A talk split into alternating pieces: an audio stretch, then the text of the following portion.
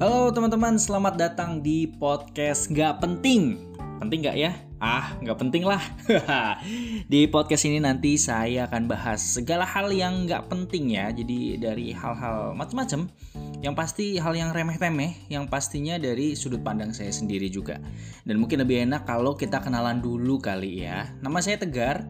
Berat badan saya 80 kg, yang 10 kg tulang dan daging, sisanya inner beauty. Iya. Yeah. saya juga berasal dari keluarga yang menerapkan program keluarga berencana nih. Jadi orang tua saya ini punya anak dua. Anak pertama itu kakak saya, anak kedua adik saya. Lah, saya anak siapa ya? Gak tau deh. Dan saya lahir di eh, Cilacap ya, di sebuah kabupaten kecil di selatan Pulau Jawa. Tapi sekarang saya domisili di kota Semarang. Dan udah lumayan lama juga saya di Semarang dari sejak awal kuliah itu tahun 2007 ya berarti sekitar 13 tahun lah ya udah di Semarang dan kebetulan emang saya itu kuliahnya agak lama saya polin itu ya 7 tahun 14 semester dan bahkan waktu itu saya dinyatakan lulus dua hari sebelum DO jadi saya dapat surat edaran dari rektor nih waktu itu katanya kalau tanggal 30 September belum lulus saya bakal di DO ya. Dan tanggal 28 September itu alhamdulillah saya dinyatakan lulus. Tapi ya ya namanya juga kuliah ya. Ya mungkin teman-teman juga merasa ngerasain juga uh, kuliah banyak rintangannya lah. Ya kalau waktu itu rintangannya saya memang uh, mencari ini adrenalin mencari tantangan. Dan saya ini biasanya kerja sebagai penyiar radio nih teman-teman ya. Jadi ya emang saya bilang biasanya Nah jadi saya ini biasanya kerja sebagai penyiar radio nih teman-teman ya. Saya bilang biasanya soalnya emang sekarang nih lagi gak siaran aja gitu. Lagi break, lagi break, break, break, break. Lagi break karena break. Break atau break sih? Lagi istirahat dulu karena covid gitu ya. Makanya ini saya lagi coba-coba bikin podcast ini ya. Dan di episode pertama ini selain kenalan barusan ya kenalan sama saya saya juga mau ngomongin tentang ah, tahi lalat. Ya tahi lalat betul. Tahi lalat tahi yang nggak bau dan bentuknya lucu. Kayaknya sih orang udah apa ya semua orang punya lah kalau menurut saya tahi lalat ya. Dan uh, walaupun punya tai lalat sih tapi kebanyakan orang kayaknya nggak aware gitu sama tai lalatnya sendiri. Maksudnya kayak ya cuek aja gitu loh cuek aja punya nggak punya lo mau tumbuh di mana kayak kayaknya juga udah cuek aja gitu ya. Dulu ada teman saya juga bahkan yang uh, tai lalatnya tuh banyak banget di muka nih. Di muka itu banyak banget lalatnya dan makin hari itu makin nambah. Akhirnya saya usul ke dia coba di muka kamu tuh kasih tulisan kencing seribu berak dua ribu. Lah habis itu udah deh. Nggak ada lagi lalat yang buang tai di situ ya. Gak bayar Dan kalau saya baca sekilas nih ngomong-ngomong tai lalat ya, saya baca sekilas di Wikipedia nih teman-teman. Tai lalat itu sebenarnya nggak berbahaya ya, nggak perlu diilangin juga, kecuali mungkin kayak ganggu banget gitu ya. Mis misalnya ya, ada tai lalat nih mungkin ya, ada tai lalat yang uh, di dalam lubang hidung gitu, jadi buat napas susah. Nah gitu kan ganggu tuh. Atau mungkin ada yang gede banget, jadi kegesek-gesek baju gitu atau gimana gitu kan. Jadi kalau pakai baju kayak kayak pentil jeplak gitu tapi ini tai lalat gitu loh. Ya mungkin itu ganggu gitu. Mungkin kalau uh, teman-teman ngalamin kayak gitu itu bisa dihilangin gitu bisa ke dokter. Dulu teman saya ada yang uh, buang tai lalat juga di dokter gitu bisa dioperasi gitu ya. Tapi kalau versi alternatifnya nih saya juga barusan nih belum lama ini baca satu artikel di kompas.com itu judulnya adalah 13 cara menghilangkan tai lalat secara alami gitu ya kalau namanya alami mah tidak usah dihilangkan ya dong. Kalau dihilangin mah ya ya ya ya, ya. Intinya mungkin tanpa uh, selain menggunakan yang medis operasi-operasi gitu ya. Ini saya juga belum pernah nyoba nih. Saya bacain aja ya. Salah satunya nih ada uh, caranya itu si tai lalat ini diolesin pakai bawang putih. Pakai bawang putih ya. Katanya sih Bawang putih ini mengandung enzim yang bisa melarutkan sel pembentuk tai lalat. Waduh, di pikiran saya larut tuh kayak kayak kalau disiram air terus hilang gitu loh.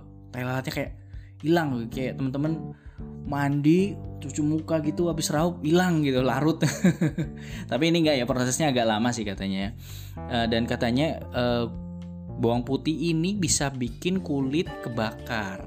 Wah, dikata kayak Dracula kali ya, kebakar sama bawang putih. Tapi bisa jadi nih teman-teman ya. ini bisa jadi ya sebenarnya si tai lalat tuh nggak hilang tapi kulit kita ini yang rata itemnya gara-gara kebakar bawang putih ya sebadan badan hitam kayak tai lalat semua gitu aduh ya mungkin mungkin gitu. Jadi tersamarkan gitu loh. Terus ada lagi nih pakai baking soda dicampur minyak jarak. Nah, ini kalau saya sih biasanya bikin baking soda itu ya karena, karena saya nggak pernah bikin kue ya. Baking soda itu buat bikin kue kan soda kue itu kan. Saya sih nggak tahu itu fungsinya buat apa kalau dibikin kue. Tapi kalau saya biasanya pakai baking soda itu buat bersihin panci gosong. Baking soda dikasih air kan langsung gitu loh. Jadi uh, noda gosong di panci bisa hilang. Nah kalau ini baking soda dicampur sama minyak jarak. Jadi kayak kayak katanya sih kayak jadinya ntar kayak kayak salep gitu ya. Mungkin biar balance juga karena si uh, baking soda ini katanya bisa mengeringkan tai lalat. Nah minyak jarak itu buat melindungi kulitnya gitu. Jadi biar balance gitu loh.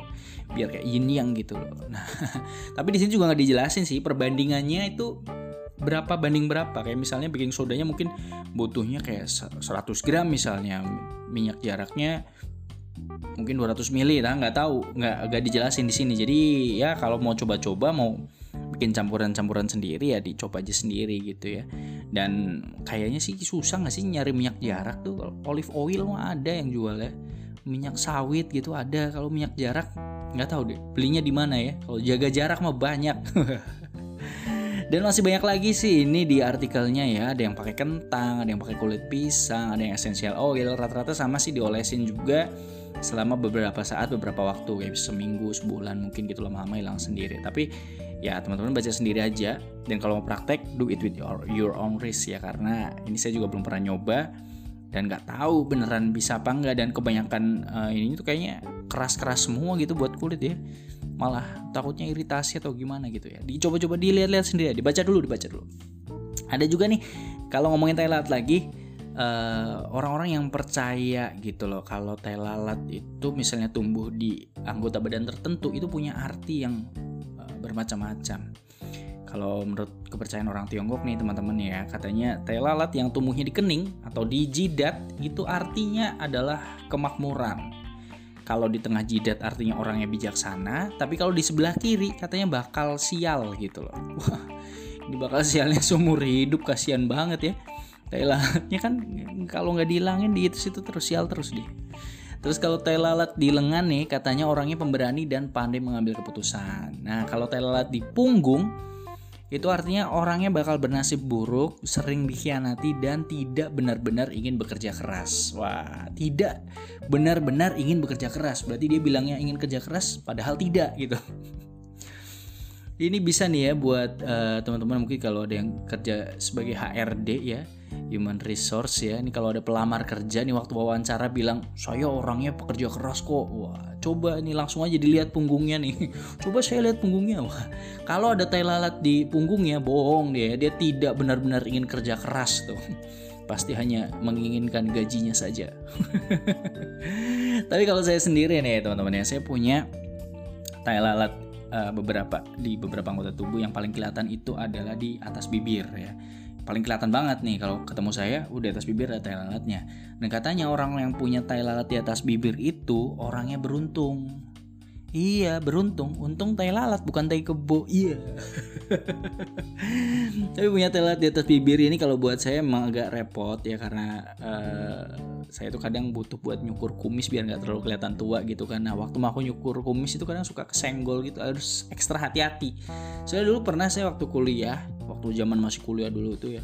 Karena bangunnya agak siang jadi buru-buru habis mandi cukuran dulu. Nah karena buru-buru pas cukuran itu uh, Thailand saya tuh kena pisau cukur gitu. Akhirnya kayak kayak kepotong tapi masih nempel. Ujungnya tuh masih nempel jadi kayak lepas tapi ujungnya masih nempel gitu loh. Masih ngegantung gitu. Dan itu darahnya ngucur banyak banget. Ngucurnya nggak nggak yang terus muncrat gitu tapi uh, apa ya kalau istilah Jawa itu ndelewer gitu banyak itu akhirnya saya lapin tisu si telat ini saya balikin lagi ke posisi semula. Saya angkat ya saya tempelin lagi tuh. Saya tekan pakai tisu kan. Nah sampai kampus sih ternyata udah kering dan nyambung lagi gitu loh. Ajaib banget nih ini sampai sekarang gue masih ada nih lalat nih. Malah kayaknya numbuh uh, sebelahnya tuh ada satu lagi kecil tapi nih Kalau menurut teman-teman nih ya, tempat paling aneh buat tumbuh tela tuh di mana sih? Ya kan, siapa tahu ada yang pernah ngalam, eh, ngalamin lihat atau eh, mengalami sendiri gitu tela tumbuh di telapak kaki mungkin ya aneh gitu kan. Nah menurut teman-teman nih tempat paling aneh buat tumbuh telalat tuh di mana sih? Cobalah boleh sharing di sini ya. Nanti saya bacain di episode selanjutnya sebelum saya bahas uh, di episode itu nanti saya bakal bacain uh, masukan dari teman-teman nih.